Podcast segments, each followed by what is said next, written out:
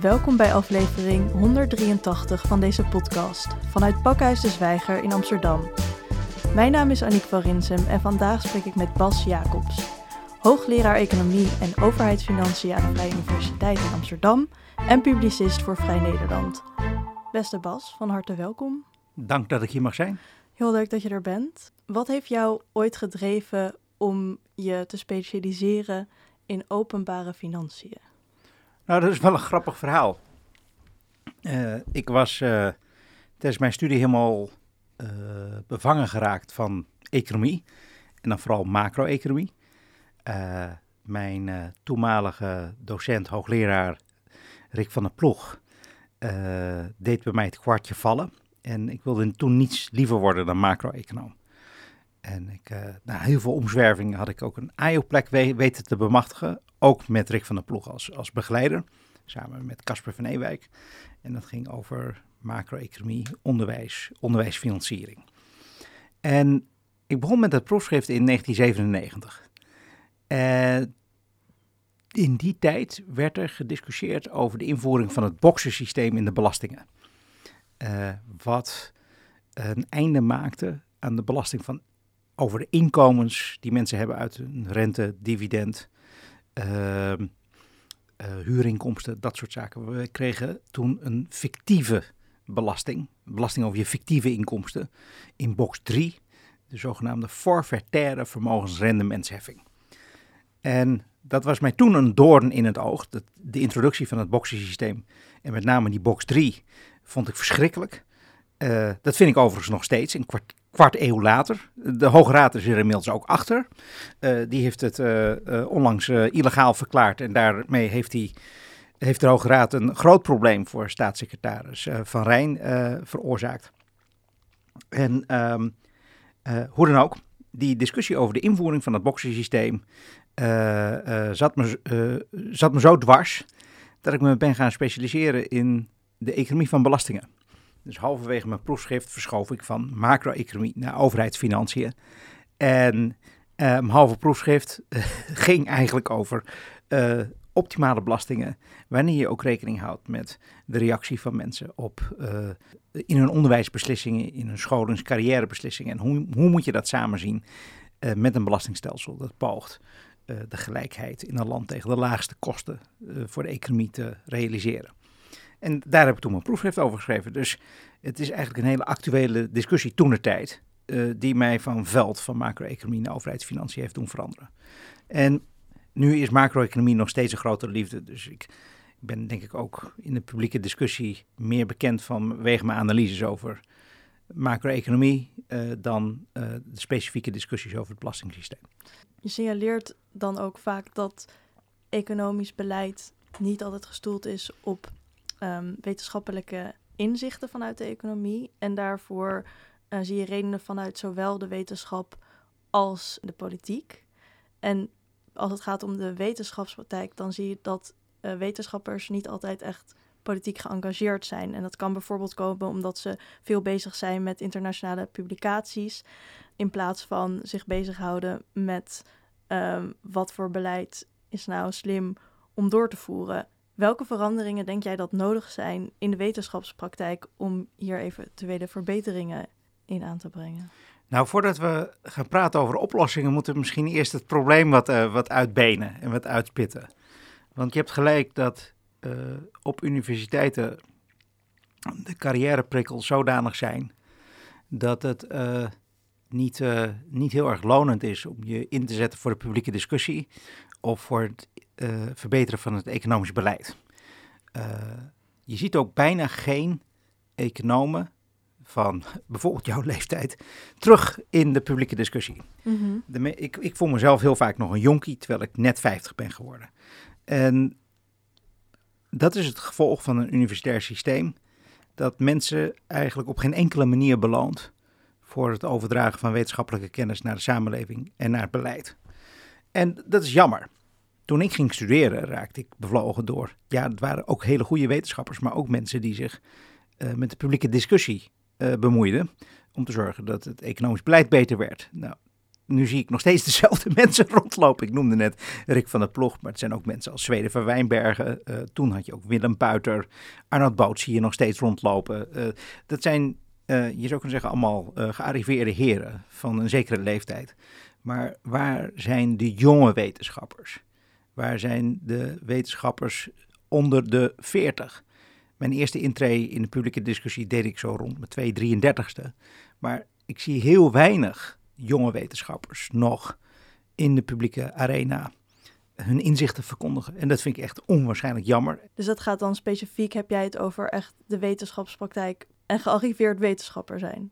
Om een voorbeeld te geven, Gabriel Zoekman, uh, dat is een hele jonge uh, onderzoeker van de Universiteit van Berkeley. Die is nu hoogleraar ook op de Paris School of Economics. Mm -hmm. Hij is een student van Thomas Piketty en Emmanuel Saez die timmert enorm aan de weg. En hij is een soort zeldzame uitzondering van iemand die waanzinnig academisch getalenteerd is en die ook de maatschappelijke discussie weet te beïnvloeden met zijn inzichten. Mhm. Maar ik kan zo gauw niet een tweede verzinnen uh, uit zijn cohort.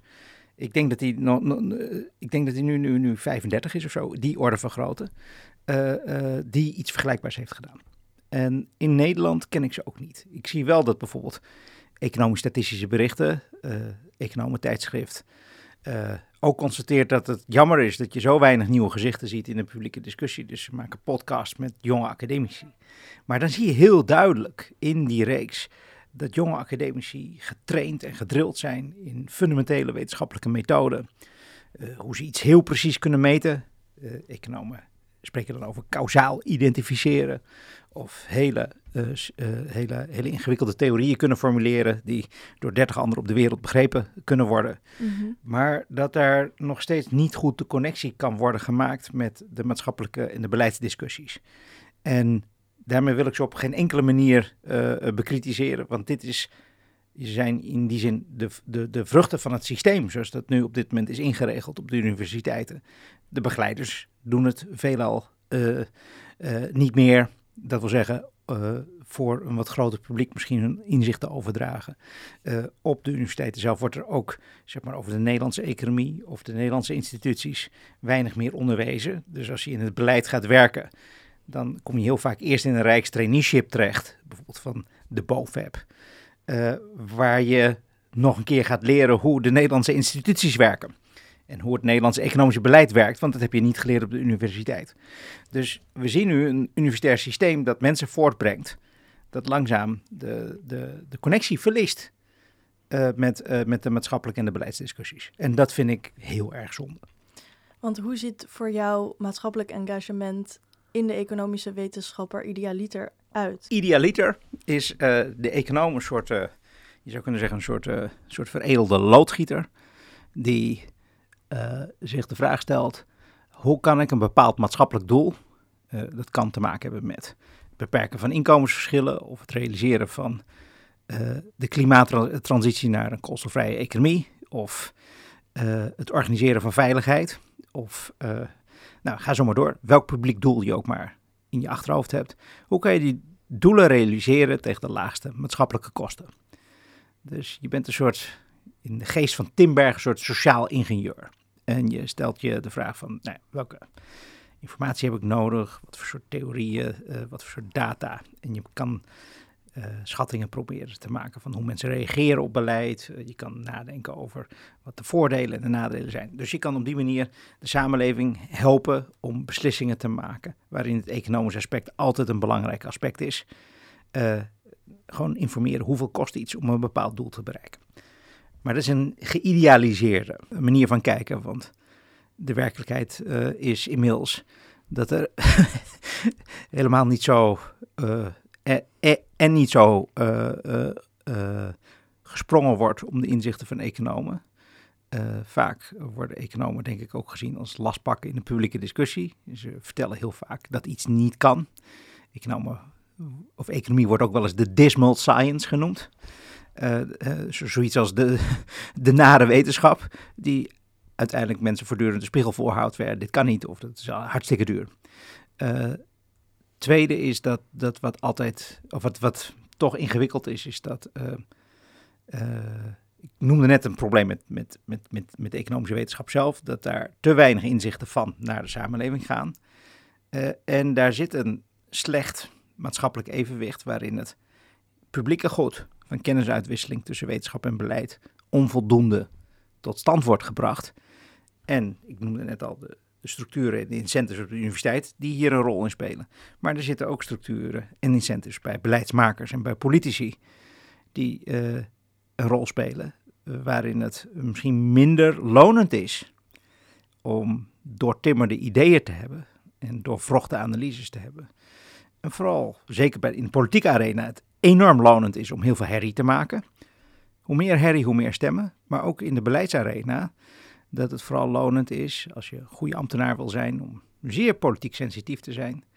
Uh, vooral je minister of je staatssecretaris te behoeden voor allerlei bananenschillen en uitglijers. Uh, het geldt misschien ook een klein beetje voor de instellingen als het Centraal Planbureau, die normaal gesproken een soort agenda-zettende functie ook had in de Nederlandse economische discussie. Over uh, wat voor soort beleid er moet gaan voeren.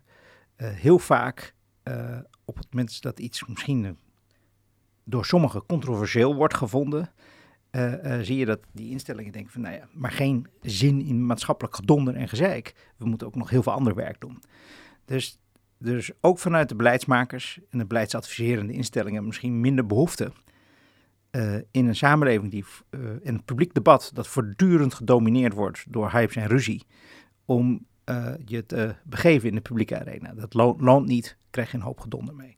Dus zowel vanuit beleid als vanuit de, de universiteiten wordt die connectie om goede redenen misschien uh, niet gemaakt. En als we dus kijken naar hoe er wordt nagedacht over wat de rol van de wetenschapper is, dan zijn er heel veel discussies over wat wetenschappelijke objectiviteit is. Um, hoe kijk jij tegen wetenschappelijke objectiviteit aan? Zijn voor jou de meest relevante manieren om daar over na te denken. Ik denk dat, dat er hier een, een, uh, een soort schisma is. Je kan twee posities hierop innemen. Uh, de positie die ik zelf inneem, en wat ik net heb gezegd is eigenlijk een voorbeeld daarvan, is dat uh, de taak van wetenschappers is de samenleving te informeren, beleidsmakers te helpen om goede beslissingen te maken. Maar ze gaan niet over de doelen die politici, die samenlevingen moeten nastreven. Um, en dit is ook traditioneel, dit is diep verankerd, je zou kunnen zeggen, in de economische professie. Uh, eigenlijk al sinds Paul Samuelson, uh, een van de, ja, de, groothe, de, de, de, de, de, de helden van de, van de economieprofessie na de, na de Tweede Wereldoorlog. Voor hem was het heel duidelijk dat de taak van de economen is niet, bijvoorbeeld als het gaat over rechtvaardigheid en inkomenspolitiek, de wereld te vertellen hoeveel er geniveleerd moet worden, maar om te laten zien wat de gevolgen zijn als je dat dan gaat doen. Dus of je het daar nou mee eens bent of niet. En de, daar kan je anders over denken. Ik heb, uh, ik heb net Gabriel Zoekman genoemd, maar ook Piketty. Dat zijn economen met een zeer duidelijk linkspolitiek profiel. En ook heel uh, duidelijk maken wat hun politieke opvatting is over wat er moet gebeuren, bijvoorbeeld met het belasten van vermogenden of van multinationale ondernemingen. En uh, zij steken dat, je zou kunnen zeggen, niet onder stoelen of banken. Dat ze een heel duidelijk linkse missie hebben. Je kan daar een, toch wel een serieus debat over voeren. Uh, over of je dat moet doen. Uh, want de uitspraken die je doet als wetenschapper. Uh, zullen dan door degene die niet de wetenschappelijke logica of argumentatie of de wetenschappelijke onderbouwing, empirische onderbouwing die eraan de grondslag ligt, direct per se kunnen beoordelen. En op het moment is dat mensen het idee krijgen, ja, je uitspraken kunnen ook worden gedreven door je politieke opvattingen. En niet per se op basis van je empirische onderzoek of op basis van je theoretische analyse. Dan wordt het voor de samenleving heel moeilijk om uh, helder te hebben of die wetenschapper spreekt vanuit zijn eigen politieke overtuiging of op basis van de wetenschappelijke kennis die hij heeft. Nou ja, ik heb het hier ook wel eens over gehad met, met, met, uh, met, met Piketty, maar ook met, met Emmanuel Saez. Uh, dat is zijn, uh, zijn collega uit Berkeley. Um, zij zeggen, ja, het is, het is onmogelijk om je subjectiviteit te verbergen. Die kan niet objectief zijn. je moet kleur bekennen, zodat mensen weten waar je staat. Nou goed, ik kom dus heel erg uit de, de traditie van Timbergen en van Samuelson, waarin ik probeer toch mijn eigen opvattingen behoorlijk te onderdrukken, omdat ik wil dat mensen mij beoordelen op mijn economische analyses en niet op mijn politieke opvattingen. En ik worstel daarmee, uh, net zoals denk ik heel veel uh, uh, wetenschappers. Een collega van mij, Rijer Gerlach, die is onlangs, heeft zich aangesloten bij de wetenschappelijke tak van, van, van Extinction Rebellion, Science Rebellion of zoiets. En ehm, omdat hij vindt, na jaren zich als de neutrale wetenschapper te hebben opgesteld, ook onderdeel te zijn geweest van het IPCC, het International Panel on Climate Change. Uh, en nu toch het idee van ja, de urgentie, de maatschappelijke urgentie van klimaatverandering is zo groot. Ik kan niet meer aan de zijlijn blijven staan. Ik moet me engageren op die manier. Nou, ik ben daar, ik, ik ben daar niet uit. Ik ben nog steeds, of nou ja, ik denk daarover na. Ik worstel ermee, maar ik ben nog steeds van de school dat, dat het misschien voor de geloofwaardigheid van de wetenschap toch beter is als je politieke oordelen thuis laat. En je de doelen die jij belangrijk vindt niet bediscussieert. Ja, anders dan in je stemhok. want het is niet alleen bij wetenschappers zo, maar ook bij journalisten en ook bij rechters. Ik denk dat het voor de geloofwaardigheid van al die zeg maar, maatschappelijke instituties belangrijk is. Is dat, dat mensen het idee hebben dat ze de mensen die erin werken kunnen vertrouwen op hun expertise rechters die neutraal zijn, journalisten die objectief zijn, wetenschappers die objectief zijn, enzovoort. Dat is belangrijk, denk ik, voor het vertrouwen van mensen in de instituties, in een samenleving. Op welke manier kan je dan maatschappelijk geëngageerd zijn zonder enige doelen voor ogen te hebben? Nee, uh, je kan dat niet. Uh, uiteindelijk kan je, uh, de, dus je zou kunnen zeggen, via de onderwerpen die je bestudeert, via de de, de zaken waar je je uh, druk over maakt, waar je over schrijft, openbaar je natuurlijk toch je voorkeuren voor de dingen die jij denkt dat maatschappelijk belangrijk zijn. En dus in die zin is totale objectiviteit uitgesloten. Mm-hmm. Maar het feit dat dat uitgesloten is, betekent voor mij niet dat je dus naar de andere kant moet doorslaan. Ik vind dat, dat die subjectiviteit zoveel mogelijk teruggedrongen moet worden. En je moet, er maar naar moet streven in de publieke discussie zo objectief mogelijk te zijn. Ook al weet je natuurlijk wel dat het nooit perfect lukt. Maar op het moment dat je niet die poging doet, dat je dan toch uh, uh, het risico loopt dat mensen gaan denken dat je bepaalde dingen alleen maar zegt. Omdat je een bepaalde politieke opvatting hebt. En niet omdat je een bepaalde wetenschappelijke kennis vertegenwoordigt. Gestoeld op ik weet niet hoeveel onderzoek, zoveel jaren onderzoek naar heb gedaan. En dat dat een zekere mate van objectiviteit weerspiegelt, die belangrijk is voor de samenleving. Die kennis die is opgedaan, omdat je daarop mogelijk, hopelijk, uh, beter beleid kunt voeren. Misschien bij kan dragen aan een iets betere wereld waarin we leven. En misschien is het een mooi moment om iets concreter te maken hoe je dan dat kan doen. Zou je misschien wat meer kunnen uitleggen over hoe wetenschappelijke bevindingen in economie niet echt zijn weerklank vinden in beleid. Als het bijvoorbeeld gaat om het leenstelsel. Nou, het, het, het leenstelsel vind ik een, een prachtig voorbeeld. Ook hier uh, full disclosure. Ik heb hier tijdens mijn proefschrift dus onderzoek naar gedaan. En uh, ik heb me de vraag gesteld toen, hoe kan je nou de maatschappelijke doelen, toegankelijk onderwijs, rechtvaardige inkomensverdeling of inkomenspolitiek, realiseren tegen de laagste kosten voor de samenleving? En als je een laag dieper graaft van en de vraag stelt: wat is nu de werkelijke reden waarom de overheid zich met het onderwijs bemoeit? Dan heeft dat vooral, denk ik, te maken met het realiseren van gelijke kansen. Dat mensen, ongeacht hun afkomst, ongeacht of ze uit een welvarend milieu komen of niet, uh, de mogelijkheid moeten krijgen om bij voldoende capaciteit te kunnen gaan studeren. En daar zit voor mij als econoom een marktfalen achter.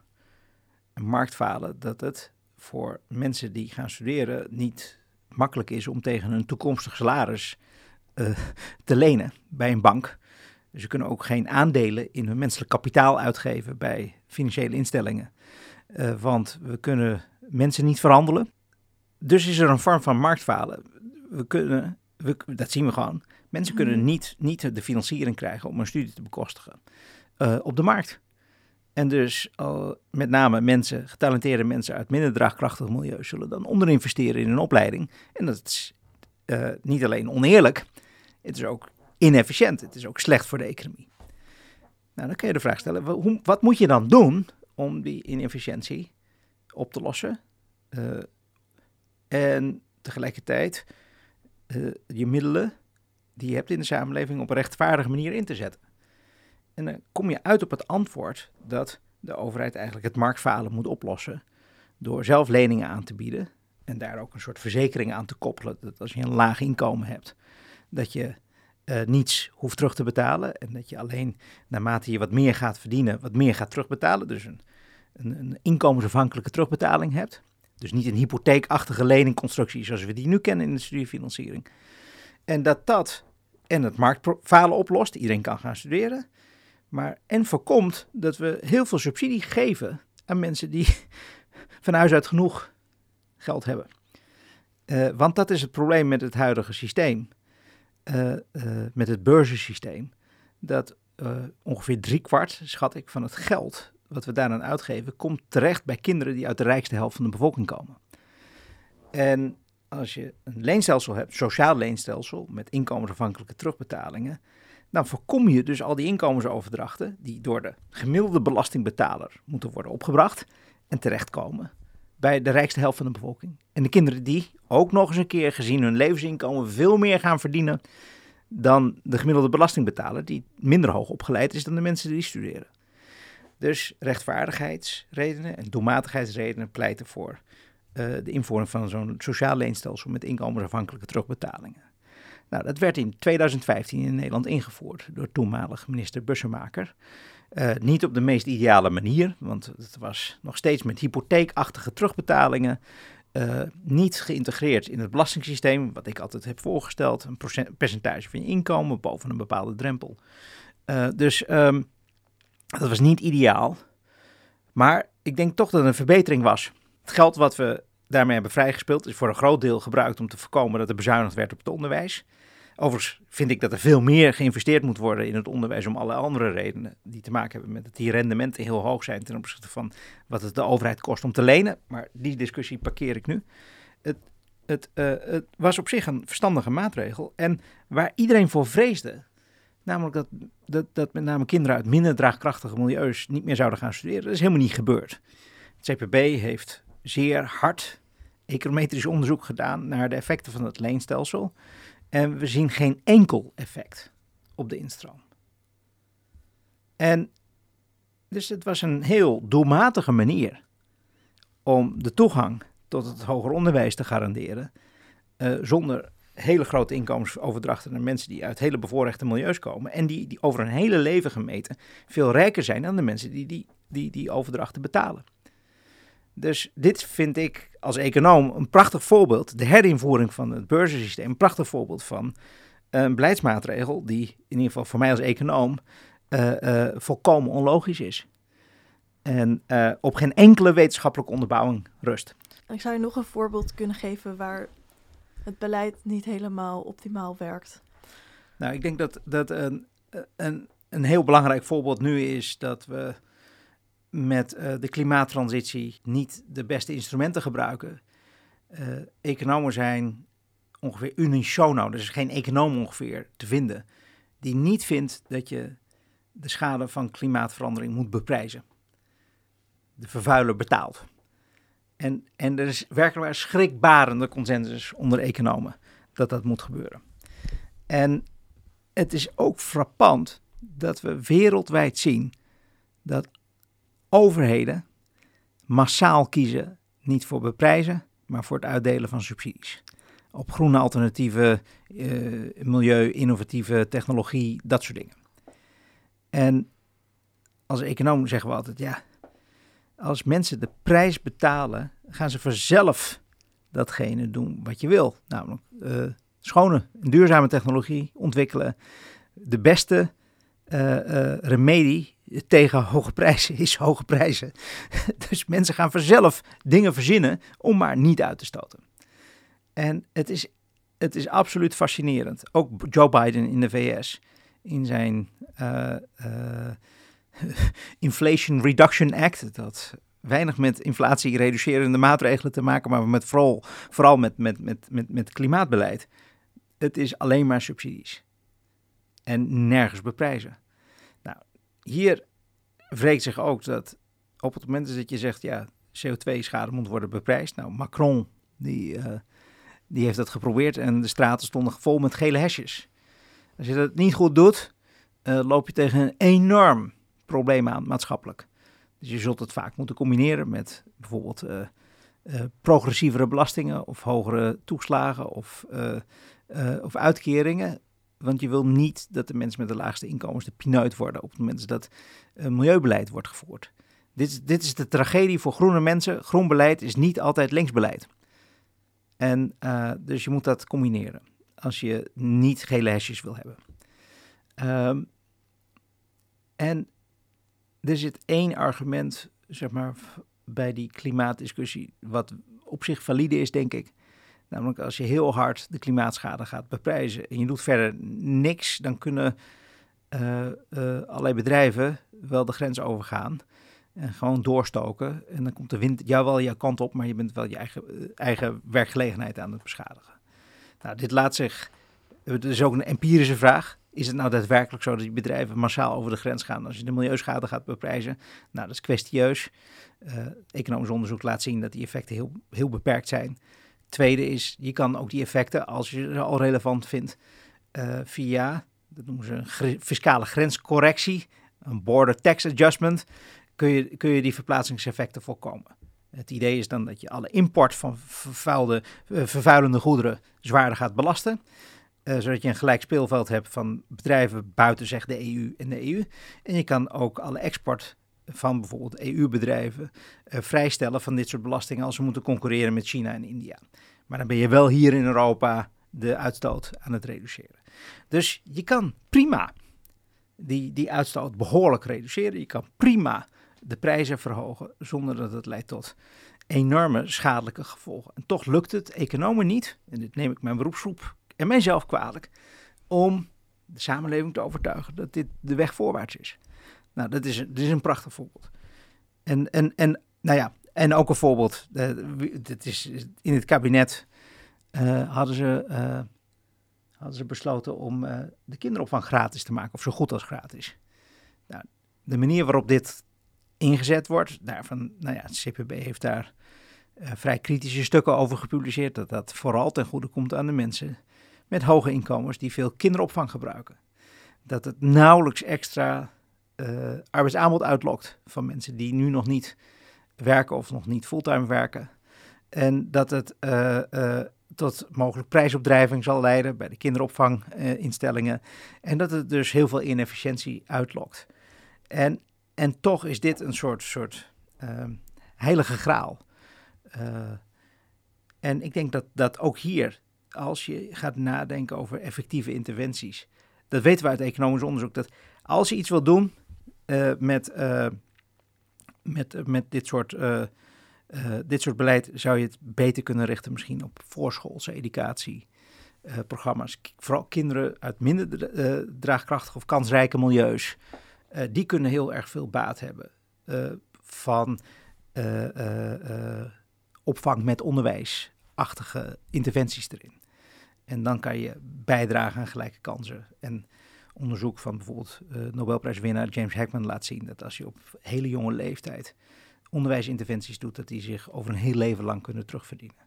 Maar als je dat doet bij de kinderen van al die tweeverdienersgezinnen, die al uh, vaak uh, veel kansen hebben, vaak al genoeg mogelijkheden hebben, de, daar, daar, meestal maak je de ongelijkheid groter als je dat doet, in plaats van kleiner. Het is een heel erg vergelijkbaar verhaal als met die studiebeurzen. Ja. Is het eigenlijk gewoon een kwestie van ietsje verder kijken dan je neus lang is? Exact, exact. Waarom komt dat dan? Ik denk wel wat een enorme rol speelt op dit moment, in alle politieke discussies is beeldvorming. Het voelt lekker. Ja. Het komt lekker in de onderbuik binnen. Maar daarmee is het niet goed. En uh, ik denk dat dat een belangrijke verklaring is. Wat doen we daaraan? Goeie vraag. Uh, maar maar er, er, zit, er zit iets uh, soms. Um, het, is niet, het is van alle tijden. Dat, dat, dat er, je zou kunnen zeggen, vergissingen in het beleid worden gemaakt. Het is ook van alle tijden dat misschien wel. Um, beleidsmakers verkeerde ideeën krijgen van economen. Dus een beroemd citaat van Keynes. Dat gaat zoiets als volgt van...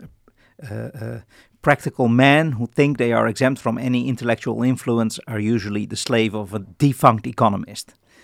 Uh, madmen in authority who hear voices in the air are distilling their frenzy from an academic scribbler of a few years back. Dus, dus, dus, er zijn misschien ook wel wat, wat, uh, wat collega's uh, die de samenleving ook voeden met, met ideeën die worden opgepikt, die achteraf verkeerd blijken uit te pakken. Dus uh, dat kan zeker een rol spelen. Uh, maar ik denk dat het best lastig is in de politieke debatten, zoals ik die de afgelopen jaren uh, zie, gevoerd zie worden, om politieke inhoud voorop te stellen en beeldvorming de deur uit te doen. Ik zie dat bijna bij alle partijen, maar ook ik had het net al ook over de, de beleidsinstellingen en de ambtenarij. Beeldvorming is alles overheersend geworden in alle publieke discussies. En slaat inhoudelijke gedachtenwisseling dood. Uh, mensen worden uh, de mond gesnoerd op dat ze een bepaalde opvatting hebben die een andere groep in de samenleving niet aanstaat. Uh, is allemaal niet bevorderlijk voor een, een gedachteuitwisseling. Wat ook niet helpt is op het moment is dat we blijkbaar het niet eens kunnen worden over de termen van discussie. Dus het, uh, wat ik denk dat wel een rol speelt bij, bij wetenschappelijke inzichten. Neem klimaatverandering. Het is toch wel tamelijk merkwaardig dat, nou ja, zo ongeveer alle mensen die hier echt serieus voor doorgeleerd hebben, vinden dat dit probleem uh, uh, bestaat, reëel existeert. gewoon. En, en dat er toch zoveel serieuze aandacht is in onze maatschappelijke discussie voor een paar mensen die dit gewoon domweg ontkennen. Dat vind ik heel problematisch. En uh, dat betekent dat uh, wetenschap als bron van kennis niet zonder meer wordt geaccepteerd. En dit is, speelt zeker een rol, denk ik, uh, in, de, in de verklaring waarom het moeilijk is om wetenschappelijke inzichten te vertalen naar praktische beleidsinzichten. Want op het moment dat politici wel in de gaten hebben, ja, dat is misschien niet verstandig. Maar uh, de, het electoraat reageert gewoon heel sterk op het plan om die basisbeurs in te voeren. Ook al weet ik dat het niet goed is, ik doe het lekker toch, want daarmee win ik stemmen. Mm -hmm. En ik denk dat daar niets tegen gewassen is. En ik denk dat dit gewoon uh, inherent ook is aan de democratie. Dus ik wil het ook niet zeg maar dramatiseren. In iedere democratie uh, zullen we zien dat beleidsmakers fouten maken. Uh, en dat heeft iets te maken dat het voor kiezers heel moeilijk is om de beleidsmakers te disciplineren. Ik bedoel, die zijn vaak nog slechter geïnformeerd dan de beleidsmakers zelf. Dus hoe beoordeel je uh, uh, beleidsmakers of ze het goed of niet goed doen, enzovoort. Wat wel, denk ik, problematischer is geworden, is dat dankzij onze moderne media dit, de, zeg maar, de nadelen van de democratie uitvergroot worden, versterkt worden, gecatalyseerd worden. En, en ik heb daar geen directe oplossing voor. Wat zijn jouw ideeën? Want jij opereert niet vanuit beleid, maar vanuit de wetenschap om daar verbeteringen aan te brengen. Ik ook hier weer eerste analyse. Ik zie de overdracht van kennis vanuit universiteiten naar beleidsmakers, en, maar ook het, uh, de wisselwerking tussen beleidsmakers en academici als een publiek goed. Een publiek goed dat niet uit zichzelf wordt uh, voortgebracht, waar, waar je een collectief actieprobleem hebt. En er zijn aan zowel de kant van de beleidsmakers zijn de incentives, de prikkels niet goed om bij te dragen aan het publieke goed en ook bij de universiteiten. Dus ik denk dat het belangrijk is dat universiteiten die allemaal zeggen maatschappelijke impact en valorisatie, een overdracht van wetenschappelijke kennis naar de samenleving belangrijk uh, te vinden, dat die ook daadwerkelijk in de munten, in termen van tijd voor academici, uh, ruimte maken om dat ook daadwerkelijk te, te doen. Op het moment dat je wel zegt dat het belangrijk is, maar je nul beloning ervoor wil uitloven, gaan dit is uh, mensen zonder enige intrinsieke motivatie, die volledig reageren op de, de, de, de, de, de, de prikkels. En dat kunnen niet alleen monetaire, maar ook bijvoorbeeld publicatieprikkels zijn. Kiezen die mensen in universiteiten een hoekoplossing waarin ze vooral die dingen doen die worden beloond. Dus universiteiten moeten de mensen die bezig zijn met maatschappelijke overdracht ook belonen in termen van tijd. Naast bijvoorbeeld het geven van onderwijs en doen van onderzoek, ook maatschappelijke overdracht uh, een plek geven. Of in termen van geld, dat je bijvoorbeeld uh, uh, je onderzoeksrekening kan vullen met dingen die je doet in termen van maatschappelijke overdracht. Als je bijvoorbeeld artikelen schrijft voor een breder publiek of beleidsmakers informeert. Ehm, op dat moment zet je de prikkels goed voor de mensen op de universiteit. Dus dit is één deel. Een ander deel is denk ik ingewikkelder. Dat heeft te maken aan de, aan de beleidskant. Ook, je zou kunnen zeggen, de, de beleidsinstellingen moeten eigenlijk zorgen dat als ze die maatschappelijke vraag hebben vanuit de, uit de academische, academische wereld. Kom eens, kom door met jullie inzichten. We hebben jullie nodig. We hebben die inzichten nodig. Ook daar moet uh, misschien in de meer toegepaste gebieden, moet ook de incentive recht worden gezet.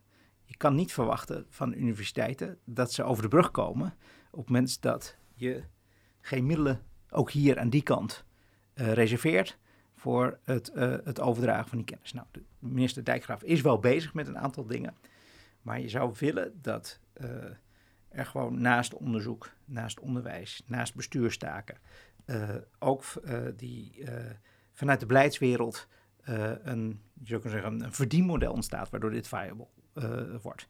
Je merkt, dit is een heel economische analyse. Mm -hmm. Maar ik denk dat, dat dit belangrijk is. En wat ook belangrijk is, denk ik, bij de, bij de beleidswereld, is dat. En, en dit is iets wat ik denk ik niet direct zie veranderen, maar ik, ik wil het wel problematiseren. Is dat uh, op de, de afdelingen in ministeries, maar ook de planbureaus, de, nationale, uh, de centrale bank, dat het belangrijk is dat, dat, dat ze bijdragen aan de beleidsagenda. Dus dat ze analyses maken waar Nederland naartoe moet. Dat ze aan blijven denken, doordenken hoe het land economisch ingericht moet worden.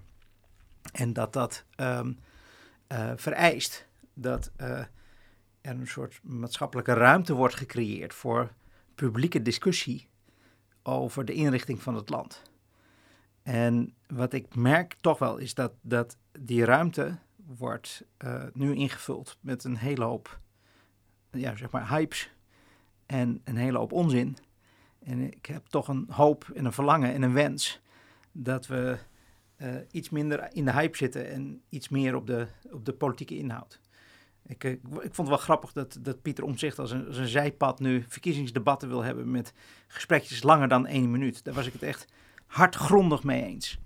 Omdat, om, omdat het niet, niet gaat over of je heel snel en goed kan communiceren, heel gelikt kan debatteren. Het gaat erover dat je je, je verhaal voor het land op een goede manier uh, probeert over te brengen.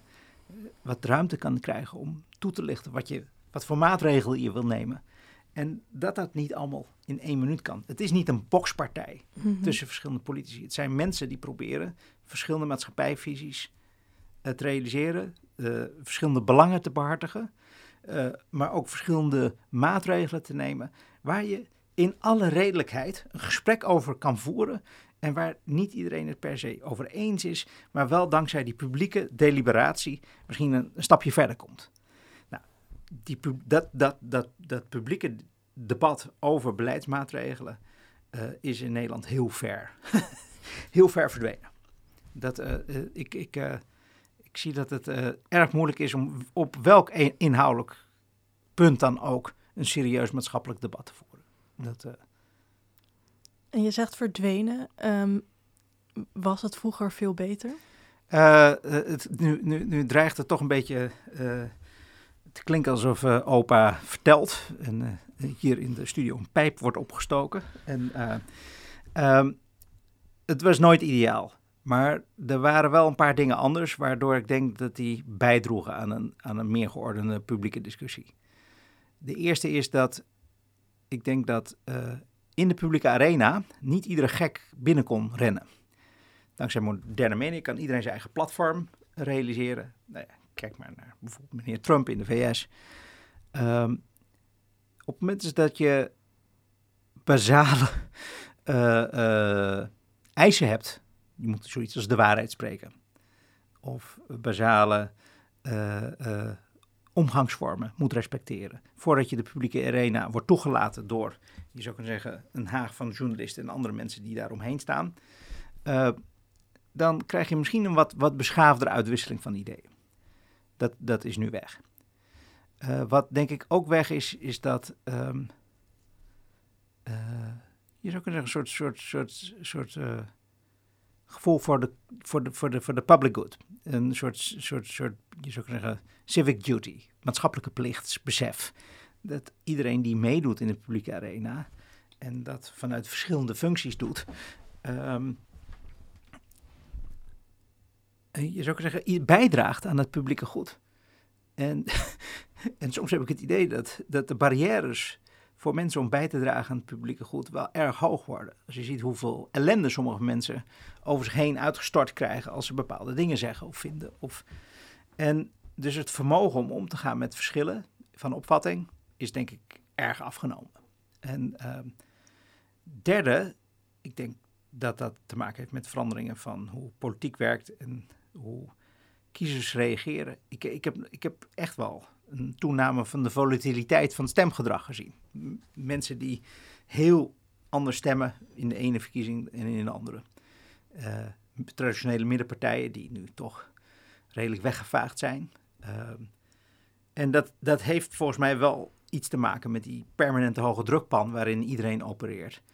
En ik heb het idee dat de politieke partijen zelf, zie je ook de, de, het verdwijnen van de wetenschappelijke bureaus, uh, of althans het belang van de wetenschappelijke bureaus, zie je ook de. Ik heb ook het idee dat veel politici zo bezig zijn met, met, met de korte baan, dat ze zich ook niet meer laten voeden. Dat vertellen ze me ook als ik met ze praat. Van, er is gewoon in het huidige politieke bedrijf zo weinig tijd om uh, echt, echt ergens over na te denken. Het is fragmentatie en polarisatie zorgt er ook voor dat er piepkleine kamerfracties zijn met eigenlijk voortdurend overbelaste kamerleden.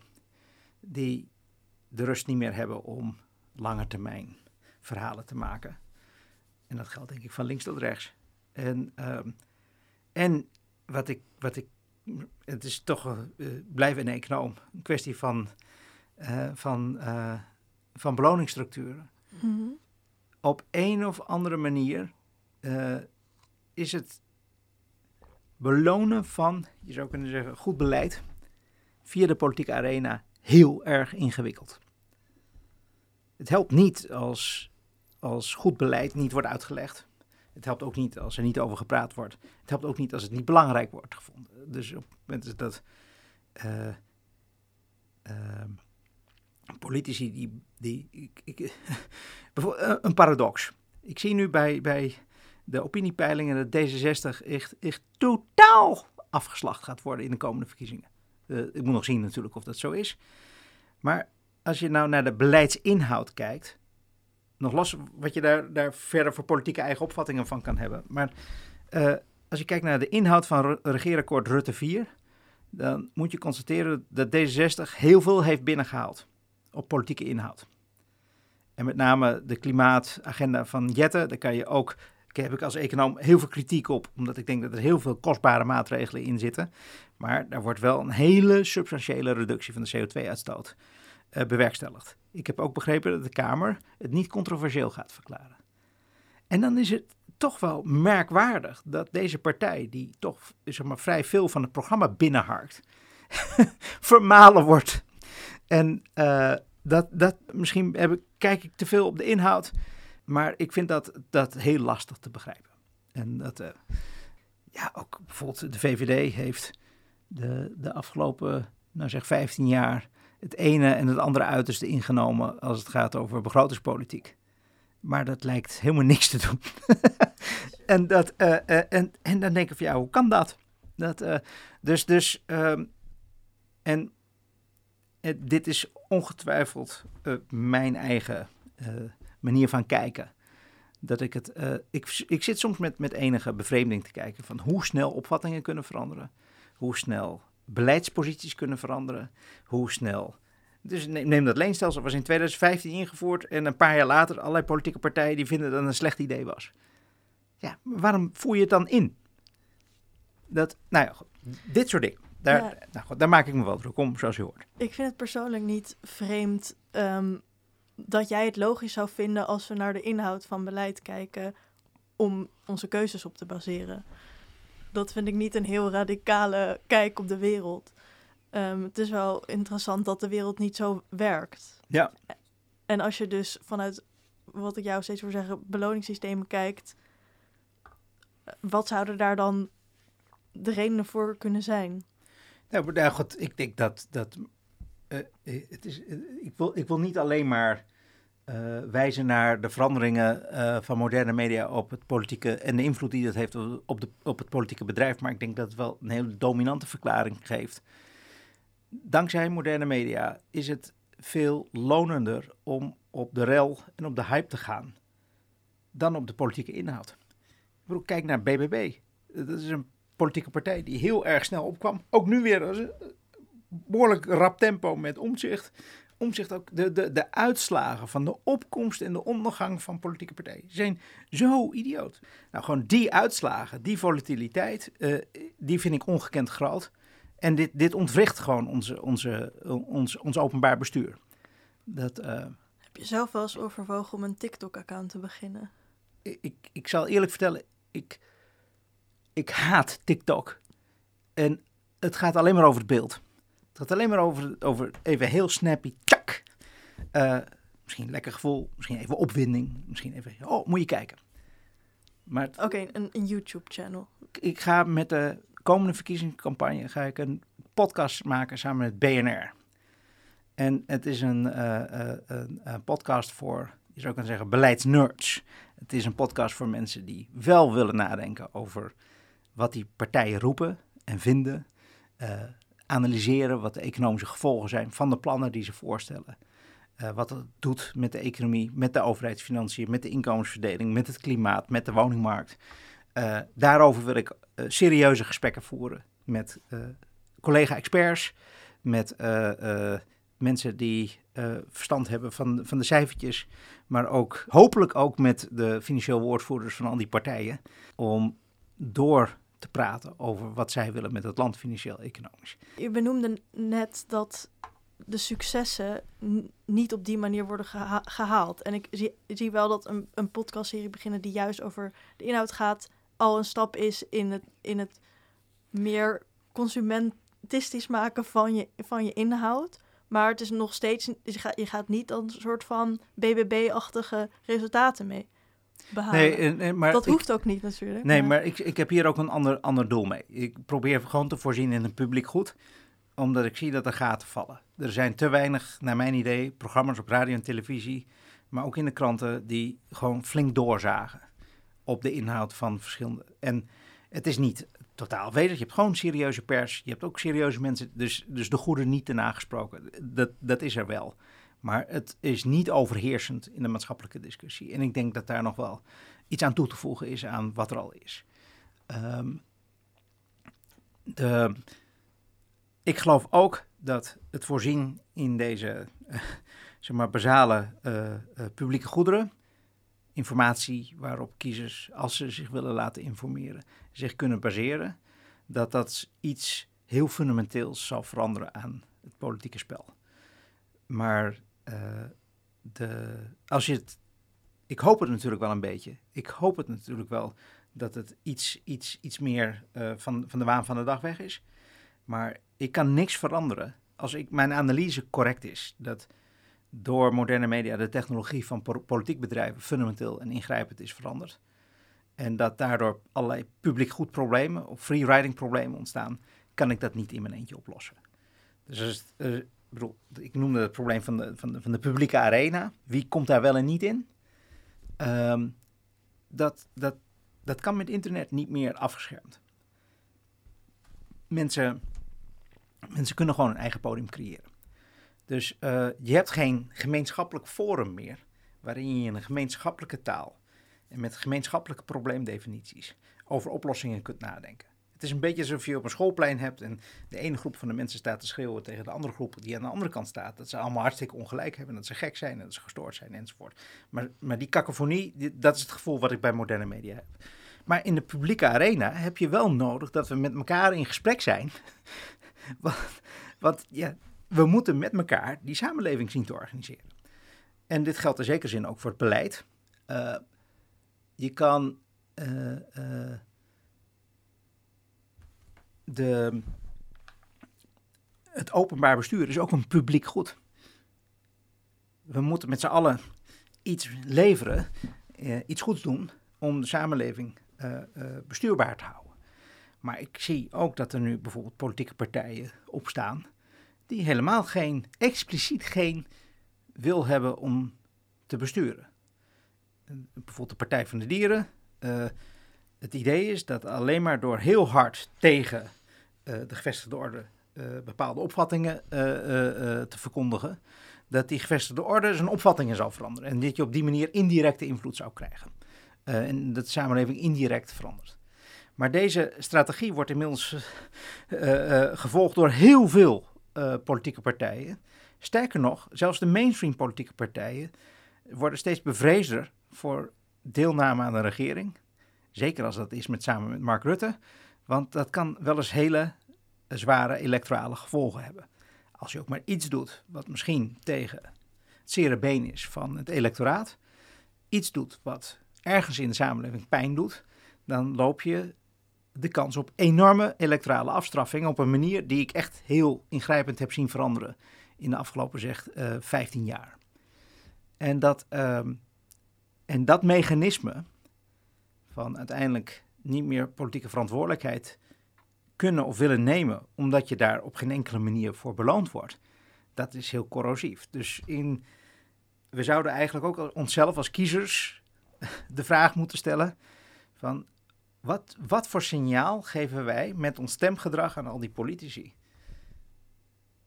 Want wij zijn uiteindelijk de opdrachtgever aan die politici. En als we iedere keer op een hele extreme partij stemmen, maakt niet uit aan welke kant, links of rechts of conservatief of progressief, dan kunnen we misschien wel ons ongenoegen uiten. We kunnen toch zeg maar, met onze stem als een soort zweep over die politici gaan. Maar in zekere zin creëren we daarmee onze eigen self-fulfilling prophecy. Waarin het bestuur alleen maar slechter wordt. En we alleen nog maar meer gefrustreerd raken. En nog harder met die zweep erover willen. En die politici nog banger worden voor die kiezer. En nog slechter beleid gaan voeren.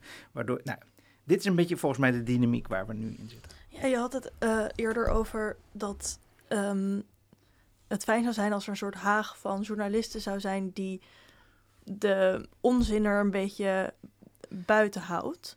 Ja, ik, ja ik, ik, ik, ik wil het iets ruimer trekken. Je hebt een soort uh, publieke arena nodig. Waarin we met uh, een beetje respect voor mekaars opvattingen. En op een normale manier uh, je kunnen uiten. met zekere respect voor verschillen van overtuigingen. Waarop je op een gereden manier met elkaar van gedachten kan wisselen. Dat, dus zo'n publieke arena is denk ik essentieel voor het functioneren van een democratie. En wil je met dat podcastproject zo'n soort arena bieden? Nou joh, nee. Ik, nee, dat, is, dat, is, dat, dat zou hoogmoed zijn. Dat is, uh, nee, ik probeer een kleine bijdrage te geven aan... Bedoel, bedoel, ik, ik denk dat er uh, uh, behoefte is bij veel mensen aan ook inhoud ik, eh, om een voorbeeld te geven, ik schrijf voor Vrij Nederland stukken. En vorig jaar, dit is even opscheppen, had ik, had ik drie van de in de top 10 had ik drie stukken van de best gelezen stukken. En die gingen over box 2 van de belastingen, box 3 van de belastingen en over het energieprijsplafond. En dat laat voor mij zien dat mensen helemaal niet alleen maar clickbait willen het laat voor mij zien dat mensen juist wel geïnformeerd willen worden. En, uh, en verrast willen worden. Of tot misschien een ander inzicht uh, willen worden gebracht. Iets wat ze misschien nog niet hadden bedacht. Ik denk dat, dat, dat het, proberen aan te wakkeren van die verwondering en de openheid in het gesprek echt heel belangrijk is voor het functioneren van, van een samenleving. Heel erg bedankt voor je komst. Graag gedaan. Beste luisteraars, dit was aflevering 183 van de podcastserie van Pakhuis de Zwijger. Wil je meer weten? Kom dan op maandag 18 september om 8 uur naar het programma Van Wetenschap naar Beleid in Pakhuis de Zwijger. Vind je het leuk wat we doen? Overweeg dan vriend te worden via dezwijger.nl slash woord-vriend. Of abonneer je op deze podcast via Spotify, Soundcloud, Apple Podcast of een ander podcastplatform. Bedankt voor het luisteren en tot de volgende keer.